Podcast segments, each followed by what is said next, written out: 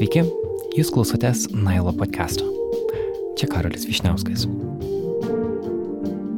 Po pertraukos grįžtame į eterį kalbėti tema, kuri niekur nedingo, net jeigu daugeliu mūsų norėtųsi, kad ji būtų dingusi.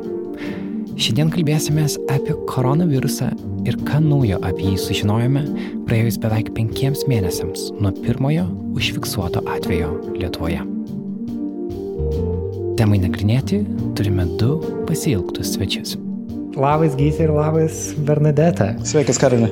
Sveiki, sveiki. Kaip jūs gyvė? Kol Normaliai. gyvuojam. Gytis Dudas ir Bernadeta Dadonaitė yra du lietuvių mokslininkai, dirbantys laboratorijose skirtingose šalyse. Gytis yra Gotenburgė, Švedijoje, o Bernadeta Sietle, Junktinėse valstijose.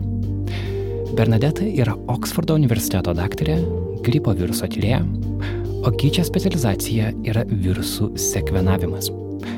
Anksčiau Gytis Dudas yra vadovavęs ebolos tyrimų komandai Vakarų Afrikoje. Apie tai esame įrašę atskirą podcast'o epizodą. Mūsų skambutis įvyko penktadienį, Liepos 17-ąją. Pokalbis buvo redaguotas dėl aiškumo ir trumpumo. Tad kągi, gero klausimo.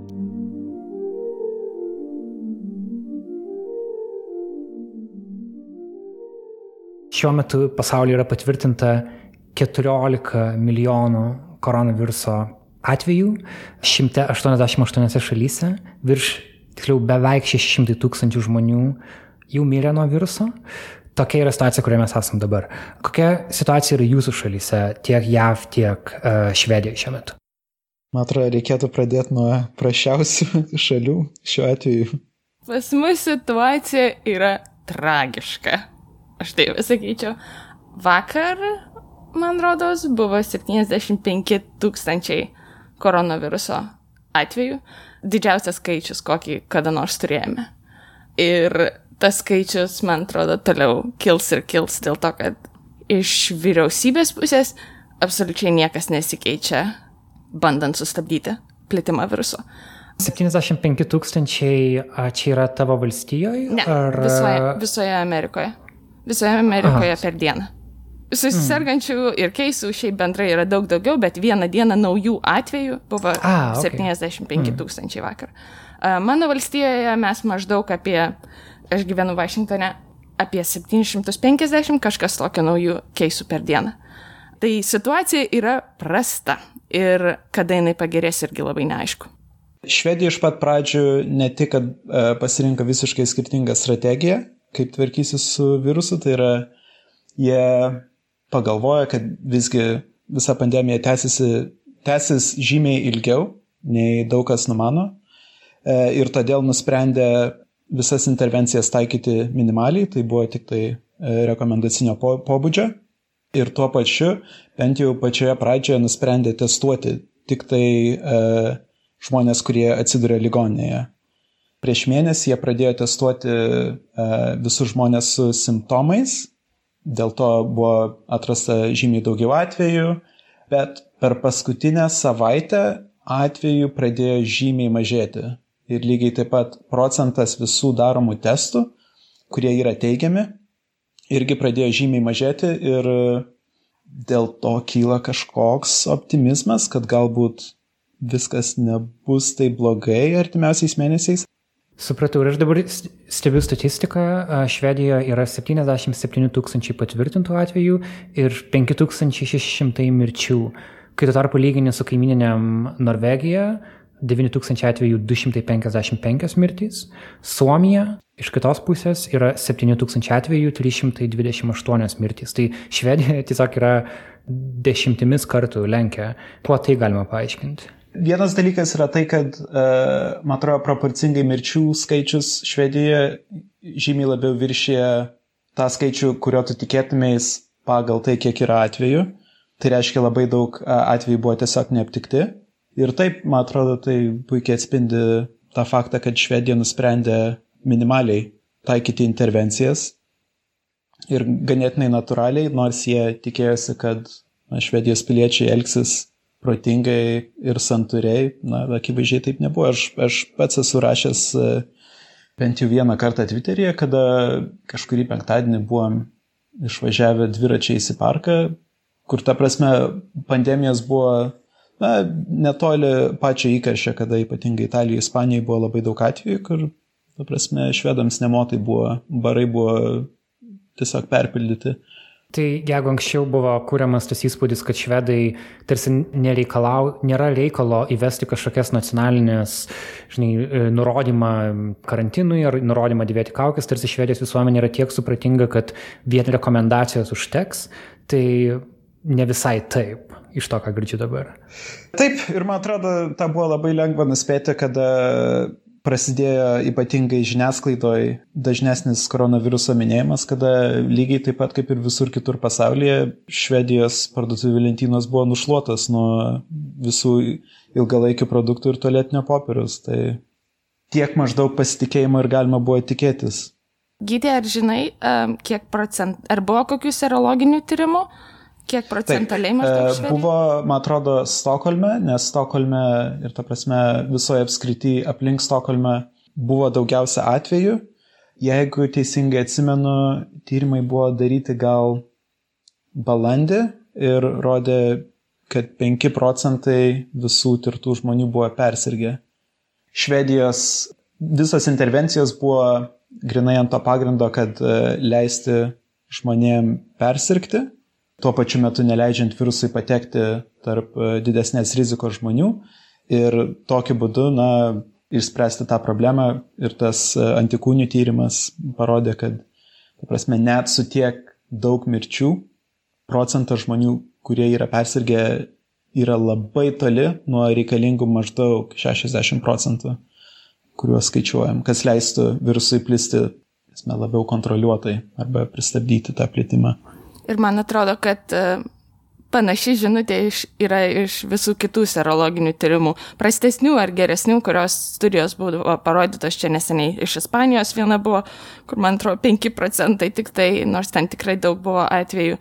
Ir Amerikoje iš skirtingų valstybių, kas ką rodo, tai ten nuo, nuo 3 iki 25 procentų, bet vienaip ar kitaip, kad ir kokią studiją niekur nerodo, kad pakankamai žmonių prasirgo, kad atsirastų tas bandos imunitetas, apie kurį čia visi kalbėjo ir kaip ir Anglija pradžioje kalbėjo, ai mes tiesiog tuo pasinaudosime, ne, nieko čia nebus. A. Buvo vienintelė, vienintelis atvejis, kur buvo netoli 60 procentų, tai yra Bergamo mieste, kur žmonės reikėjo, į, reikėjo lavonus kišti į šaldomus sunkvežimius, nes nebebuvo vietos morgė.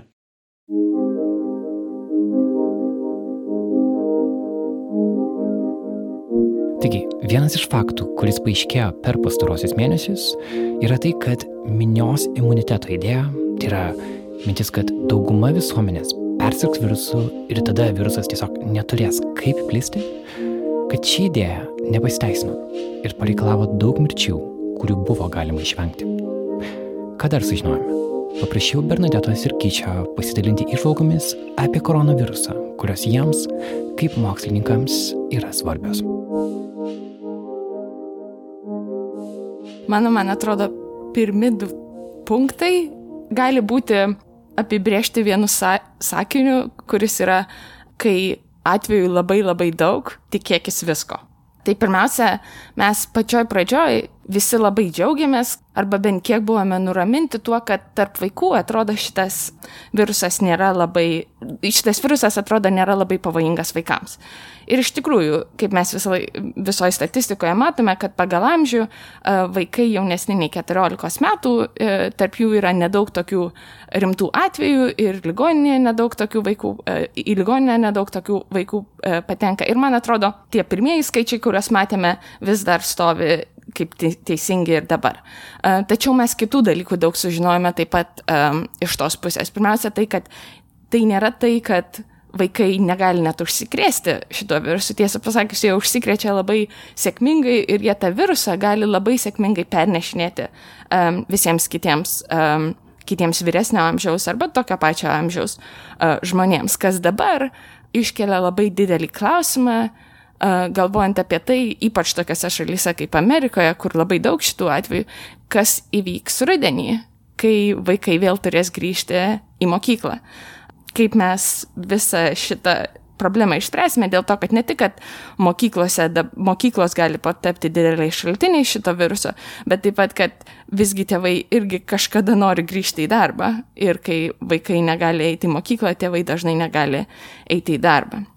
Kitas atvejis irgi taip pat yra, kad nors iš pradžių mes taip atrodo vaikams šitas virusas visiškai nieko nesukelia, dabar jau vis daugiau yra aprašymų atvejų, kai vaikai yra susirgę sindromu, kuris panašus yra į Kawasakio sindromą arba multisisteminį uždegiminį sindromą, kai vaikai tiesiog e, nuo citokinų vadinamos audros turi labai didelę reakciją į šitą virusą. Ir nors tų atvejų yra labai nedaug, visoje Amerikoje, man atrodo, truputėlį virš 300, visgi jie vis tiek yra. Ir įdomu, kad tie atvejai nutinka ne tada, kai vaikas testuoja, jeigu testą iš vaiko paims ir jisai yra testuojamas kaip teigiamas koronavirusui testui, bet jau kelias savaitės po pačio susirgymo.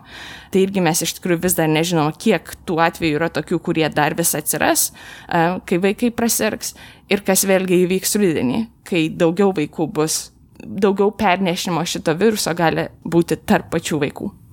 Mm. Gyti, kuo tu norėtum pasidalinti?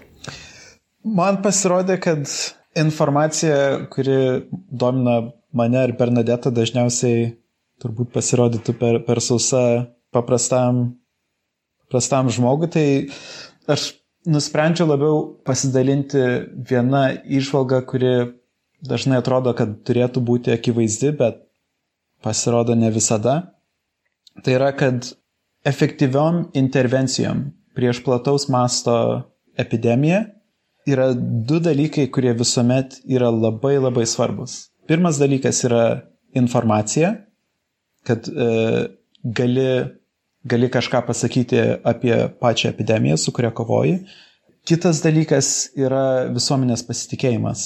Mes matėme, tarkim, irgi netoli pandemijos e, pradžios, kada Neil Ferguson, kuris e, buvo Junktinės karalystės vyriausiasis epidemiologas visam pasaulyje, labai gerbiamas, labai žinomas epidemiologas, kuris paskelbto karantino metu buvo pasikvietęs e, savo meilužę, taip pažeisdamas karantino taisyklės, ir jisai suvokdamas, kaip tai atrodo, kada žmogus, kuris tikrai turėtų žinoti geriau, neseka valstybės nurodymų, jis tiesiog atsistatydino.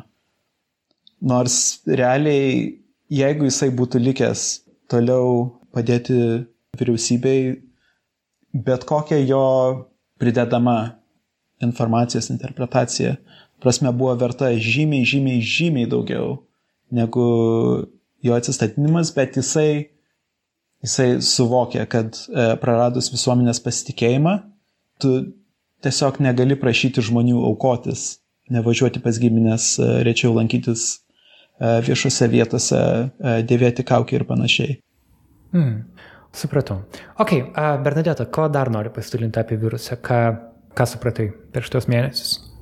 Um, man atrodo, vienas iš dalykų, ką mes um, pirmą kartą, kai turėjome pokalbį, kaip ir tu dabar minėjai, um, dėl imuniteto, kad uh, ar išsivysto čia tas imunitetas ar ne, tai aš pasakyčiau, imunitetas vis dar mes uh, tikrai galime sakyti, kad kažkoksai tai išsivysto bent jau iš antikūnių pusės, bet e, tikrai yra ne vienas e, pranešimas, kad žmonės grįžta e, į ligoninę antrą kartą, atrodo, užsikrėtę. Ir mes tiksliai ne, nežinome, kodėl taip yra, e, ar čia yra, kad e, imunitetas nebuvo pakankamai stiprus, gal jisai per pirmą kartą pilnai neišsivystė, bet ateityje turbūt mes turėtume tikėtis, kad bus daugiau tokių atvejų, grinai vien dėl to, kad um, tiek daug žmonių yra sergančių ir man įdomu bus sekti ir žiūrėti, kaip tas kažkaip paveiks uh, mūsų kokios yra vakcinos daromos. Dabar yra labai daug tų vakcinų kandidatų, jau ten išimtus, man atrodo, einančių skirtingų uh, platformų daromų.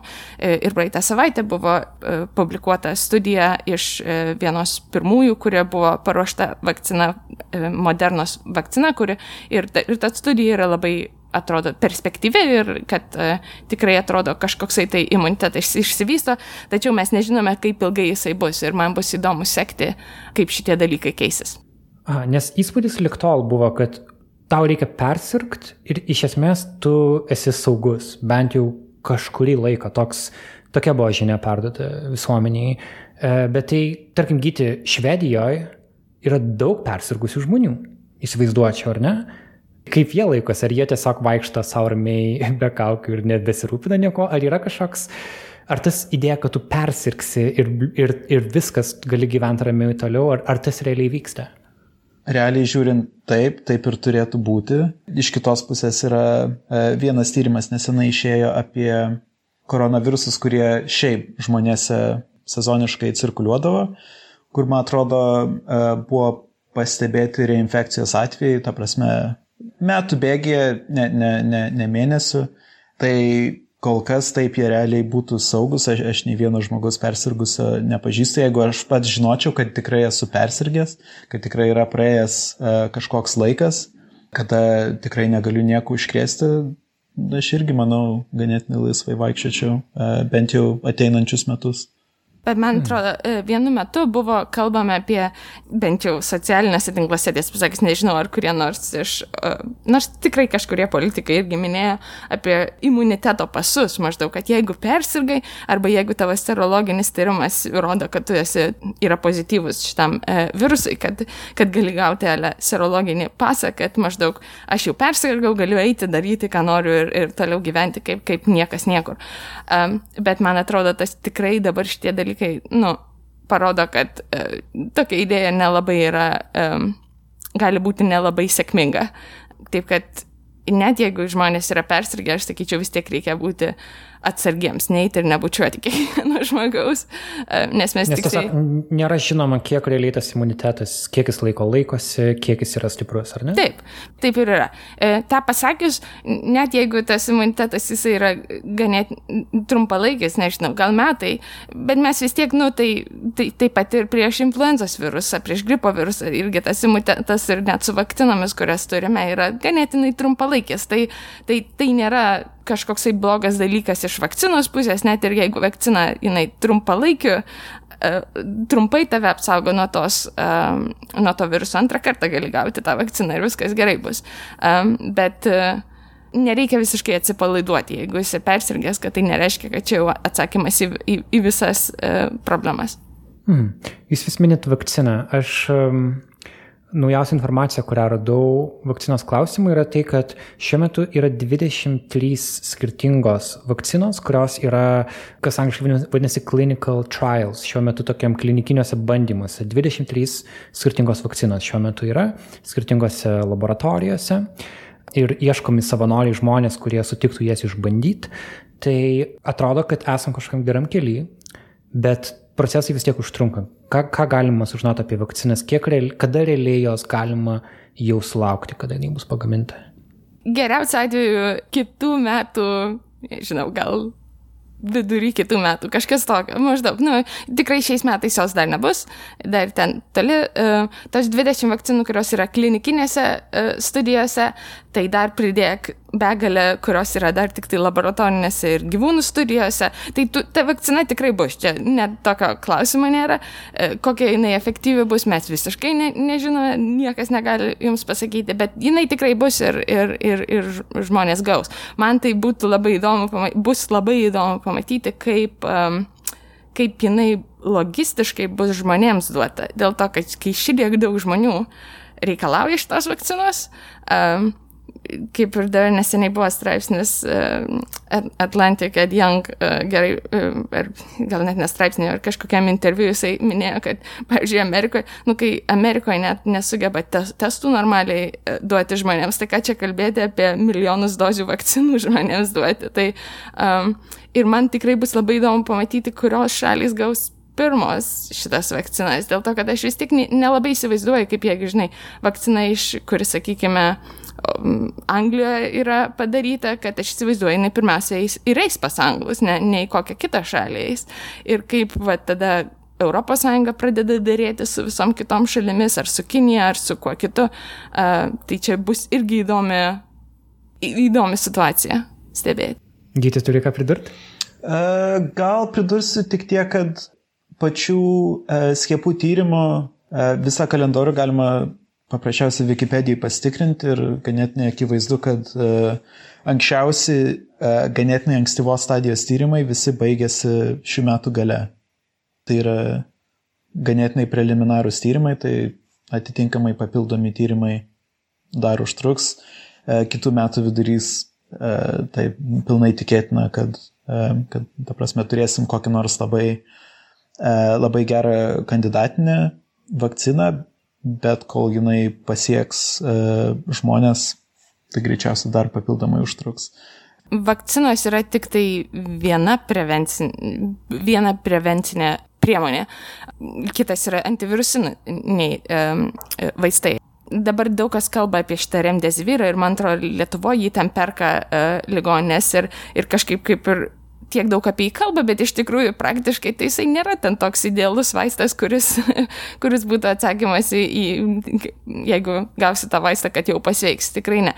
Bet aš labai tikiuosi, kad atsiras kitų vaistų ir neatsiras kažkokie nauji vaistai, bet man labai šitoje kritinėje situacijoje buvo labai džiugu matyti, kad atsiranda platformos, kurios tiesiog jau tų vaistų šiaip pasaulyje skirtingų visokių nuo visko yra milijonai.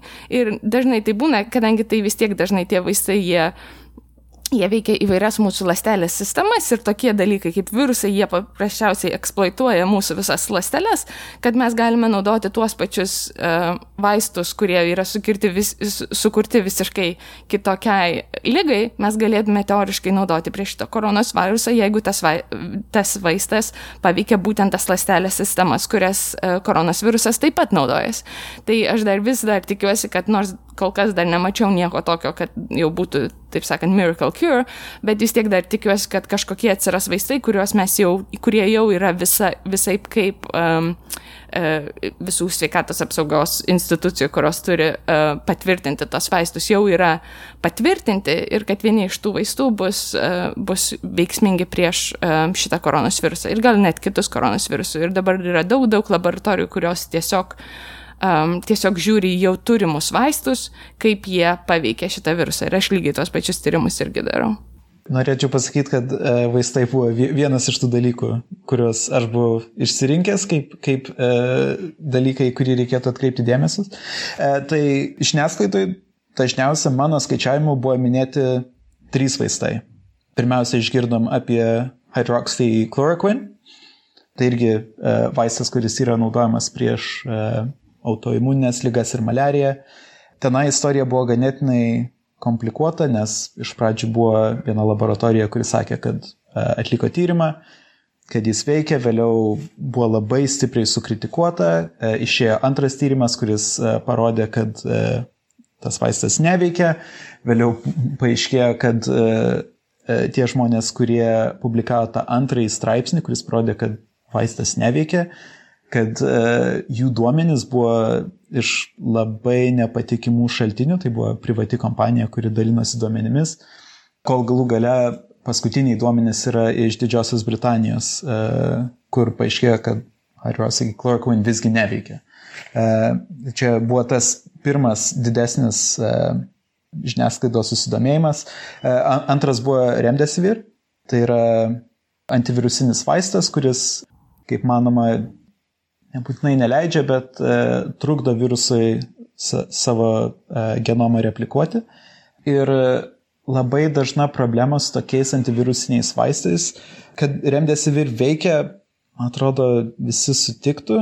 E, vienintelė problema, kad su visais tokiais vaistais, irgi turim pavyzdį iš gripo, kad tuos vaistus dažniausiai reikia duoti labai anksti, e, nes bendrai paėmus lyga neužsitęsia labai ilgai todėl e, ją reikia paveikti e, farmakologiškai ganėtinai anksti, kad gauti kažkokį efektą. Ir net vartojant vaistą pačiu laiku, e, geriausiu atveju, man atrodo, sutrumpėja tiesiog lygos ilgumas. Tai tikrai nėra kažkoks šimtaprocentinis vaistas, kur, na prasme, išgersi tabletę ir e, nieko nebus. Tai dėl to man šiek tiek darosi keista, kad e, pačios valstybės tiek skiria dėmesio tokiam vaistui. Ir trečiasis, kuris e, pasirodė žiniasklaidoje gal prieš savaitę, prieš dvi, tai yra dexamethasone. jis irgi Didžiosios Britanijos tyrimo metu, man atrodo, buvo atrastas, tai yra vaistas, kuris realiai tiesiog slapina imuninę sistemą. Jis paprastai yra naudojamas prieš autoimuninės lygas. Ir tą galime paaiškinti tuo, kad beveik visais virusinės infekcijos atvejais nėra taip, kad virusas sukelia 100 procentų žalos. Dažniausiai tai yra kažkoks komponentas, kad virusas sukelia kažkiek žalos. E, ir iš kitos pusės labai didelis komponentas yra pačio žmogaus imuninė reakcija e, į patį virusą. Tai yra visokie uždegimai ir panašiai, karščiavimai. Ir panašu, kad e, dexamethasone tiesiog na, nuramina žmogaus imuninę sistemą, kuri paprastai yra per daug, per daug aktyvi šio viruso atveju. Tai e, dexamethasone ženkliai sumažina e, mirčių skaičių, kada jau žmonės yra ligoniniai. Ir mm. tikrai jo nereikėtų e, prevenciškai vartoti. Mhm. Tai turbūt išvada ta, kad jeigu pradžioje atrodė, kad apskritai nėra aišku, kokie vaistai gali padėti susirgus uh, koronavirusu, dabar jau yra keletas vaistų, kurie realiai veikia. Jie tavęs nepagydo, bet jie sus, sus, sušvelnina simptomus. Taip, ir, ir ta prasme tai yra labai gerai. To reikėjo, aišku, tikėtis, kad anksčiau ir vėliau na, vis tiek atrasim kažkokias terapijas ir man atrodo, uh, Tai yra geriausia žinia tiek pacientams, tiek daktarams, kurie tiesiog nenori stebėti, kaip jų pacientai miršta į kairę ir į dešinę.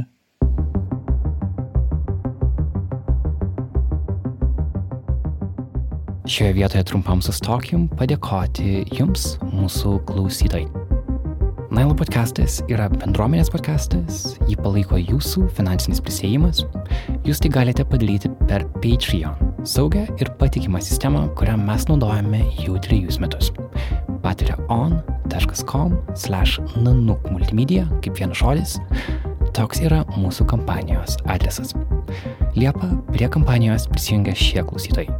Vitalijus Persijanovas, Monika, Gintarė Forsio, Kotrina Dulko, Šalnaitė, Aušra Plauskaitė, Jurgita Grigaliūnaitė, David, Pavilas Šklėrius, Karolina Daškutė, Justinas Banys, Goda Gutautaitė, Kristina Arman, Justė Jonutytė ir Miglė Trumpitskaitė. O savo skiriamas sumas padidino Aušra Ašmontaitė ir Domas. Ačiū Jums. Jūsų palaikymas leidžia mums dirbti toliau. patreon.com slash nanuk multimedia toks yra adresas dar neprisijungusiems. O dabar grįžtu pas Gyti Dudą ir Bernadetą Dadonaitę, kalbame apie asimptominius koronaviruso atvejus.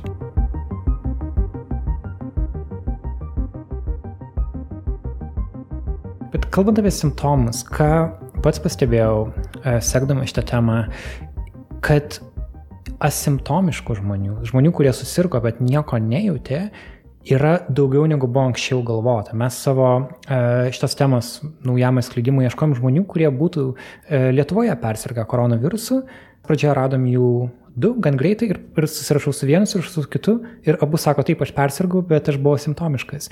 Ir kiek teko domėtis, kad netgi apie trečdalis susirkusių žmonių gali persirgti be simptomų, kai pačioje pradžioje atrodė, kad, man atrodo, net ir mūsų pirmam pokalbį buvo mintis, kad tarsi visi norėtų asimptomiškai prasirgti, bet e, labai mažai, mažai kam pavyks. Dabar atrodo, kad visai daug kam pavyksta. Bet tai komplikuoja situaciją, kad, aha, jeigu galvoji, na, tu gali neturėti temperatūros, tu gali nečiaudėt ir vis tiek užkrėsti kitą žmogų. Tai labai komplikuoja, kaip dabar, kaip tą virusą atpažinti. Tai ką apie asimptomiškumą jūs galite pasakyti? Aš dar vis dar nesu užtikrinta, kad, sakai, kad daug žmonių gali persirgti asimptomatiškais. Aš nežinau tų proporcijų, kiek bus simptomatiškų, kiek nes, nesimptomatiškų, bet iš serologinių tų tyrimų e, vis tiek jų ne, nėra pakankamai, kad mes galėtume tikėtis, kad didžioji dalis tiesiog bus visi asimptomatiški. Tikrai, yra jų, tikrai jų yra.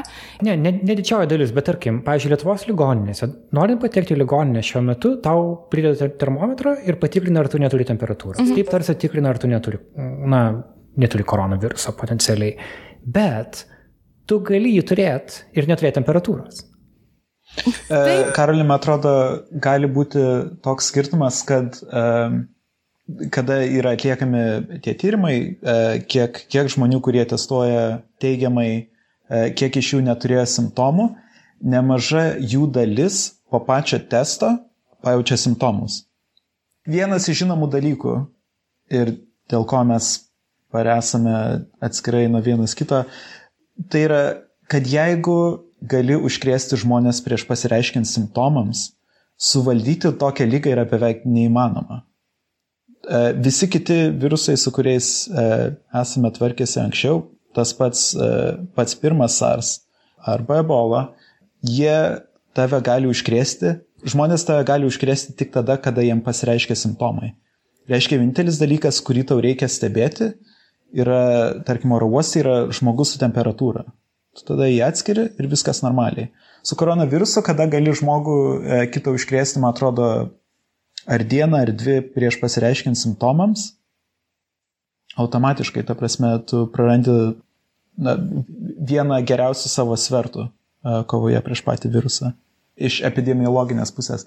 Tai jeigu, jeigu iš tikrųjų Lietuvoje yra keletas žmonių, kurie, nežinau, kada tu su jais išnekėjai, ir išnekėjai iš karto po testo, ar jie jau buvo seniai. Aš nekėjau, kada jie jau buvo persirgę. Tai yra, kad jiems jau atėjo neigiami testai vėliau. Ten, pavyzdžiui, viena gydytojas, kurio kalbėjau, jinai praleido, e, turėjo dvi savaitės karantinuotis ir per tas dvi savaitės e, jai atėjo neigiamas testas po to.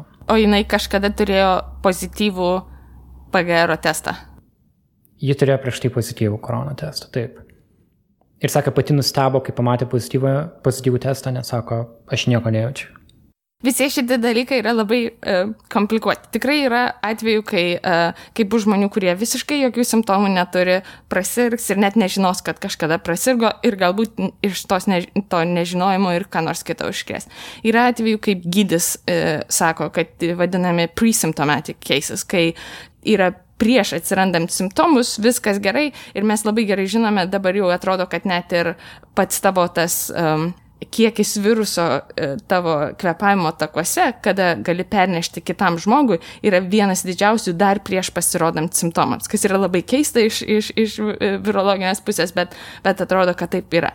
Simptomai yra ganėtinai sudėtingas dalykas dėl to, kad kas vienam žmogui yra simptomas, kitam gali būti ne, nesimptomas ir žmonėms pasakyti, kad turėjai ir neturėjai simptomo, irgi bus ganėtinai sudėtinga. Tai vienas iš pirmųjų atvejų, kai buvo studija, kuri uh, publikuota, kai sakė, o, kad yra tokių asimptomatinių besimptomių atveju, po to buvo labai kritikuotas, nes pasirodo, kad tas ta žmogus ne visai buvo nesimptomatinis, jam kažkada ten galva truputėlį paskaudėjo ar kažkoks pavargęs jautėsi.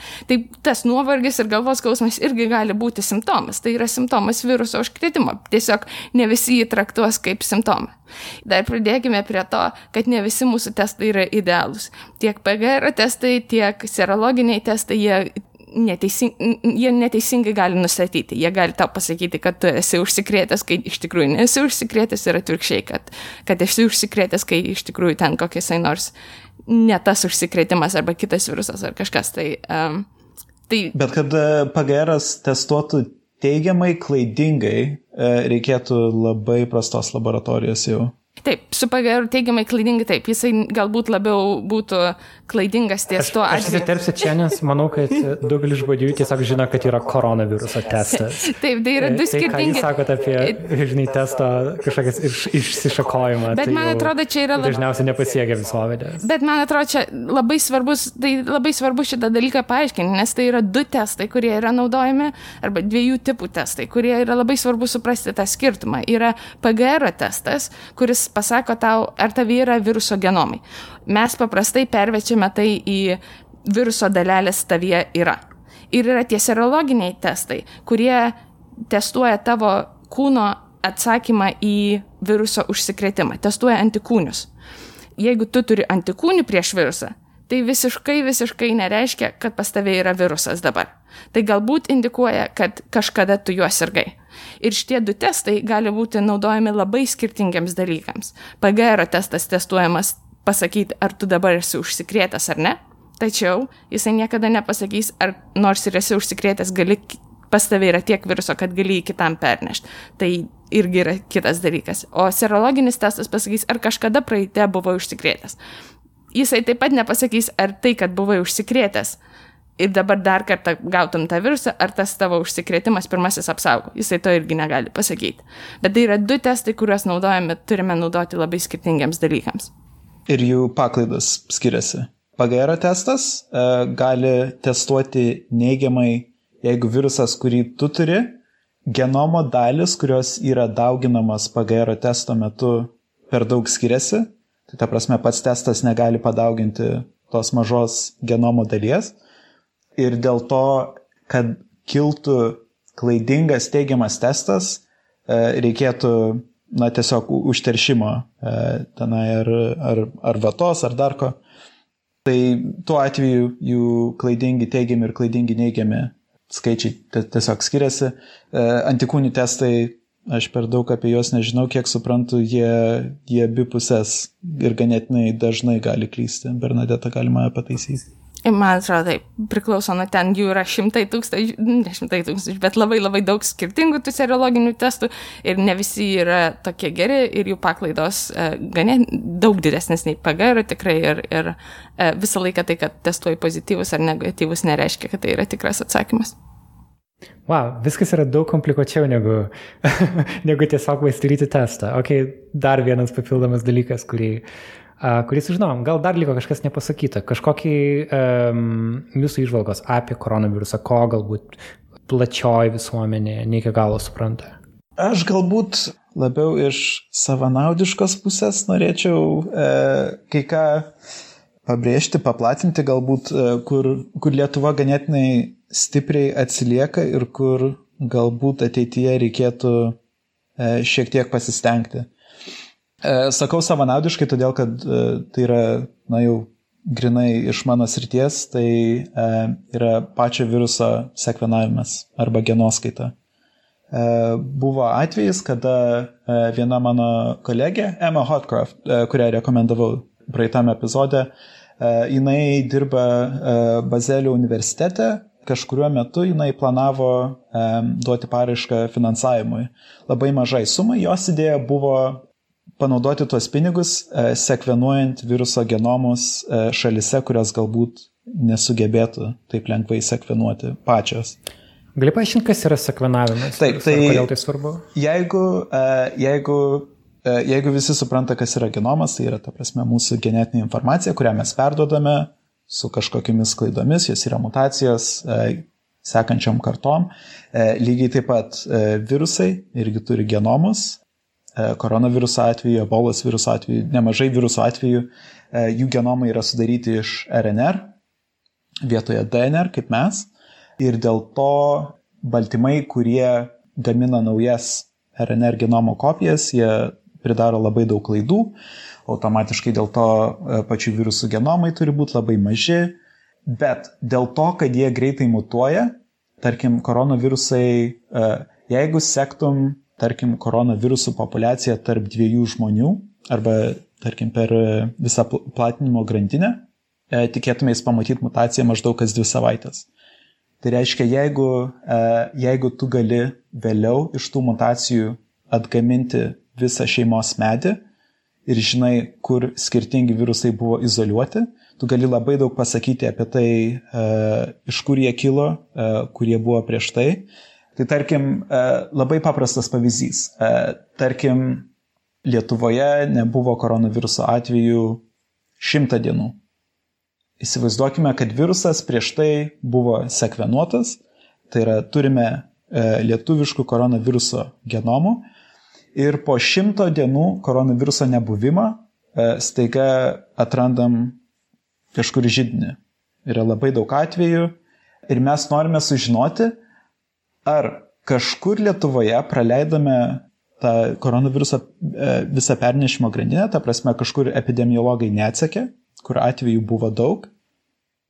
Ir e, tas naujasis po šimto dienų žydinys, jeigu jisai iš tikro e, yra kilęs pačioje Lietuvoje, nėra iš įvežtinių atvejų ir mes turime informacijos apie virusus likusiam pasauliu, mes labai lengvai galėtume atsakyti, kad šitas žydinys atsirado iš kitų atvejų Lietuvoje, nes jie yra, nes šie virusai būtų labai panašus į atvejus, kurie buvo prieš tai.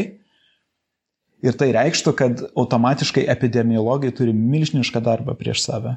Jiems reikia atsekti, kur buvo praleisti atvejai. Jeigu pasirodo, kad tai yra įvežtiniai atvejai, e, problemos sprendimas yra visiškai kitoks. Tada tu tiesiog turi atsekti tuos kontaktus iš naujo žydinio. Tai tuom sekvenavimas e, yra labai labai e, stiprus įrankis pas epidemiologus. Tęsiant tą mano istoriją su Emma Hotcroft, atsitiko taip, kad Ema susisiekė su manimi, nes norėjo, kad Lietuvoje galbūt būtų įmanoma sekvenuoti virusus. Kas šiaip, ta prasme, Lietuvai gal nebūtinai būtų, na, šimta procentų naudinga, bet bent jau žinotume, kokie virusai cirkuliuoja Lietuvoje. Turbūt greičiausiai būtų kažkoks mišinys tarp, tarkim, Didžiosios Britanijos, Ispanijos, Italijos virusų, kažkas tokio. Bet kol nesekvenuosim, mes to nesužinosim. Ir atsitiko taip, kad e, aš pradėjau susisiekinėti su mokslininkais Lietuvoje ir netikėtai antrų bandymų pataikiau pas profesorę Aureliją Žvirblienę iš Vilniaus universiteto, e, kuri planavo santarose sekvenuoti virusą kartu su e, profesorės e, Almas Getvilaitės pagalba, kuri viską koordinavo. Ir ką aš sužinojau, tai yra, kad Lietuvoje sekvenavimas, koks jis egzistuoja dabar, jisai nėra, nėra labai tvirtas ilgam laikui. Nes pats sekvenavimas Vilniaus universitetas turi tik dėja, bet pačius primityviausius aparatus kurie dabar egzistuoja iš viso. Tai yra, ta prasme, pirmos kartos sekvenavimo aparatai. Moderni sekvenavimo aparatūra egzistuoja pas uh, Thermo Fisher. Tai yra kompanija, kuri uh, anksčiau išpirko fermentą, jeigu žmonės atsimena. Ir panašu, kad vyksta labai dažnas kontaktas tarp uh, Thermo Fisher ir Vilniaus universiteto. Realiai Lietuvoje kitur nėra kaip ir dirbti molekuliniam biologam. Tai ganėtinai natūraliai įsivysto draugiški ryšiai tarp šių dviejų organizacijų, bet kame aš matau problemą, kad jeigu kartais atsitiktų taip, kad Thermo Fisher nusprendžia, kad jie tiesiog Lietuvoje filialą nebegali išlaikyti, jie išvažiuoja, galbūt VU po to parduotų tos sekvenavimo aparatus, bet realiai liekame be jokio sekvenavimo. Kita problema, kad būtent tokiais atvejais, kada yra siūlomi siūlomas kažkoks finansavimas iš kitur, būtų ganėtinai keista imti tą finansavimą ir sakyti, kad sumokėsi privačiai kompanijai. Ta prasme, kad, jį, kad, kad atiduotum mokesčių mokėtojų pinigus e, privačiai kompanijai. Tai yra labai keista.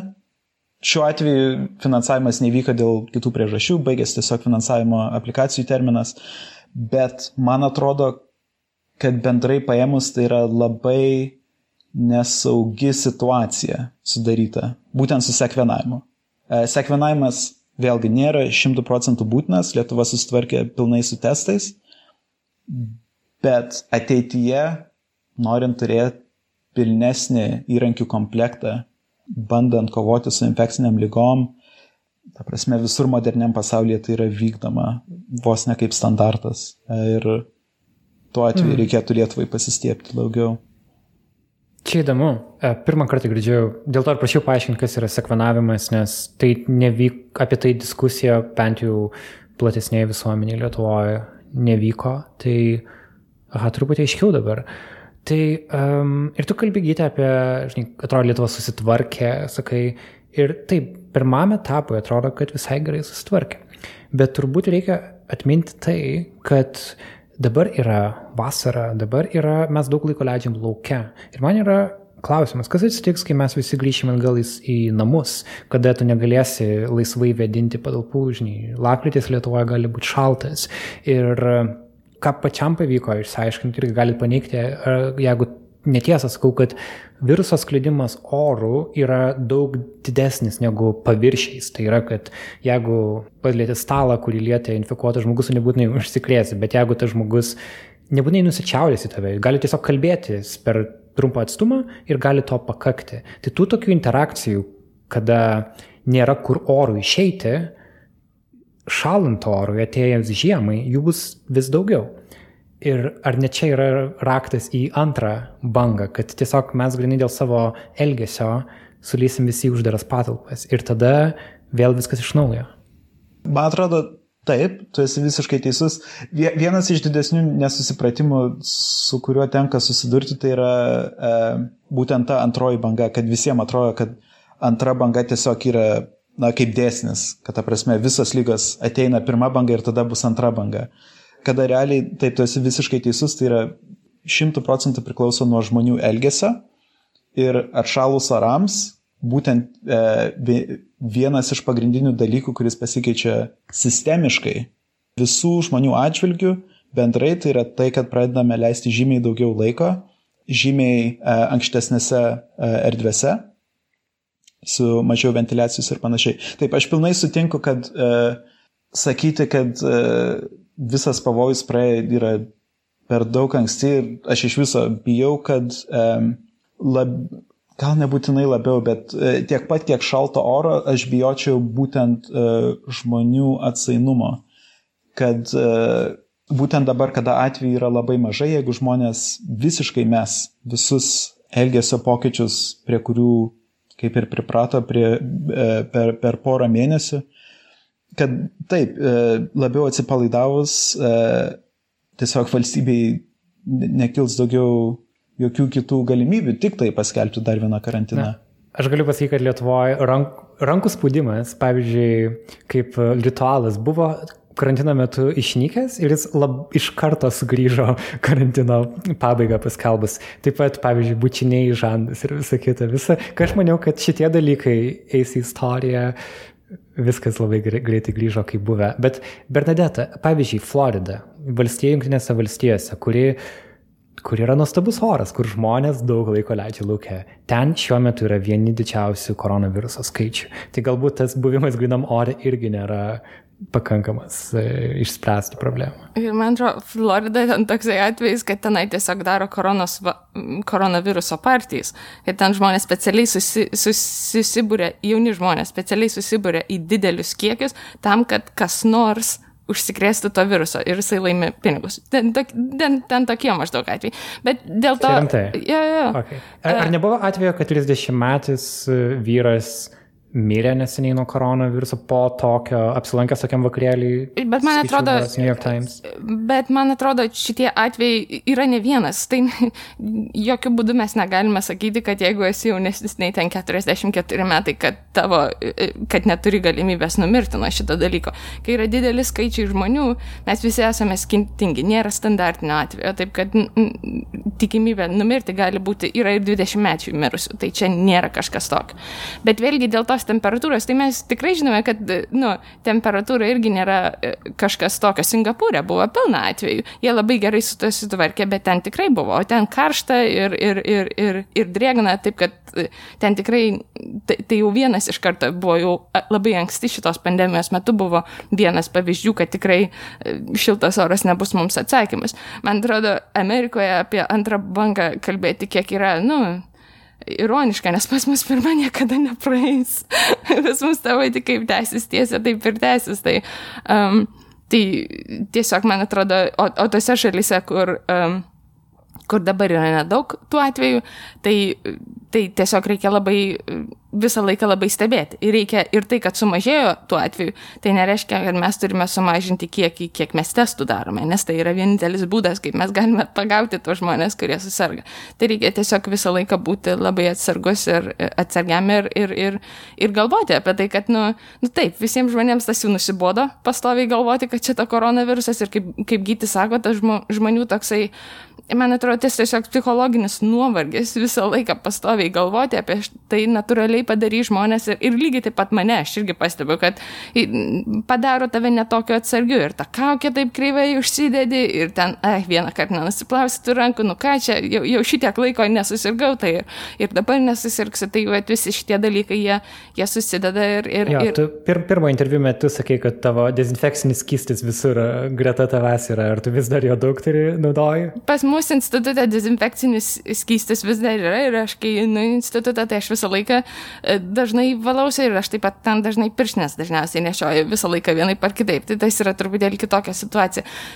Dabar aš tikrai nesu tokia paranoinė, kaip pradžioj buvau, sakykime, einant į, į, į parduotuvę ir panašiai. Aš, nu, pradžioj labai labai daug apie tai galvojai, dabar tiesiog bandai naviguoti, kad tos du metrus kažkaip išlaikyti tarp žmonių, kas praktiškai beveik neįmanoma yra, dėl to, kad vis tiek žmonių tų parduotuvį yra be galo daug. Tai, tai tikrai pasidaro toksai, nu, visiems, man atrodo, kad tiesiog nuovargis nuo to pastovaus galvojimo apie tai padaro mus netokiais atsargiais, kokiais tikrai turėtume būti.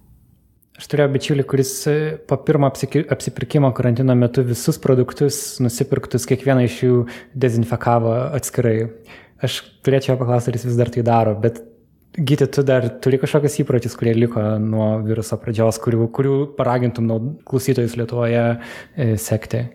Aš tiesiog paprastai įsivaizduoju, kad e, mano būtas, kuriam dabar gyvenu, tiesiog yra erdvėlaivis, ir kada eini į lauką, tiesiog patinki į visiškai kitokią erdvę, kur, kur tiesiog, e, na, galbūt savimonė e, tiesiog yra padidėjus, kad bandai kiek įmanoma, aišku, šimtų procentų išvengti nepavyks, tiesiog minimalizuoji riziką, kiek, kiek yra įmanoma, bandai laikyti atstumą nuo žmonių, e, nelieti veido ir, ir jo labiau, kada pastebi, jeigu kad jeigu kas nors e, parduotuvėje kosti tiesiog dideliu, dideliu plačiu lanku aplink juos. Bet, e, ta prasme, ko nors, ko nors labai specifiško apart to e, tikrai ne. Kaip manot, kada Lietuvoje galėsim susitikti su jumis gyvai?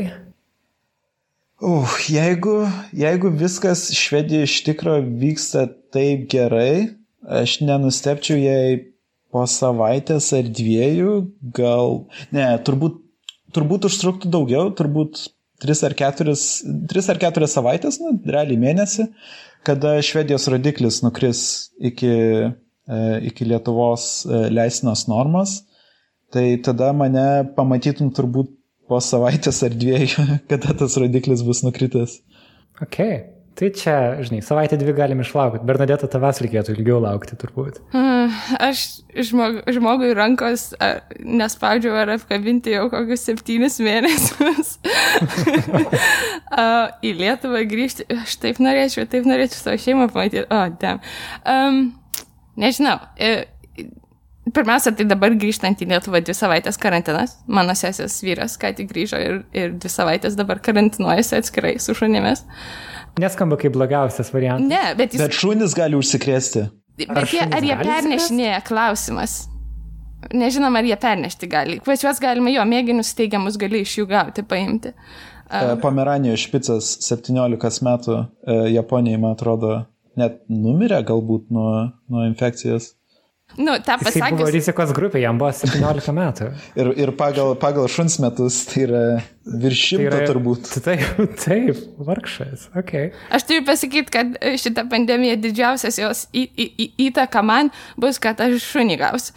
Tai va, tai, tai čia mano pasiruošimas antrai bangai yra šunį įsigyti. tai jo, bet kada į Lietuvą grįšiu, tai A, nemanau, kad per, met, per ateinančius metus e, grįžčiau. Supratau. Gyti Bernadette, ačiū Jums labai, kad prisijungėt ir ką laikykitės ir nesusirkit. Arba susirkit ir persirkit ir gyvenkit saugiai bent metus į priekį su savo imunitetu. Su minimaliais Čia. simptomais dar. Pageidautina su minimaliais simptomais. Ačiū, ačiū tau, Karolė. Ačiū.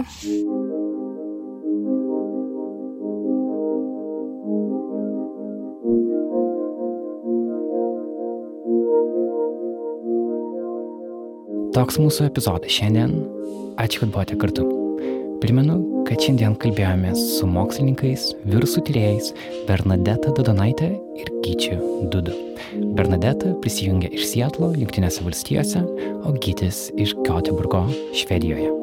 Tinklalapį Nail.lt pasidalinome ir Gyčio sukurtą vizualizaciją, kuri parodo, kaip greitai ir kaip plačiai virusas išplito iš vienos vietos Kinijoje po visą pasaulį.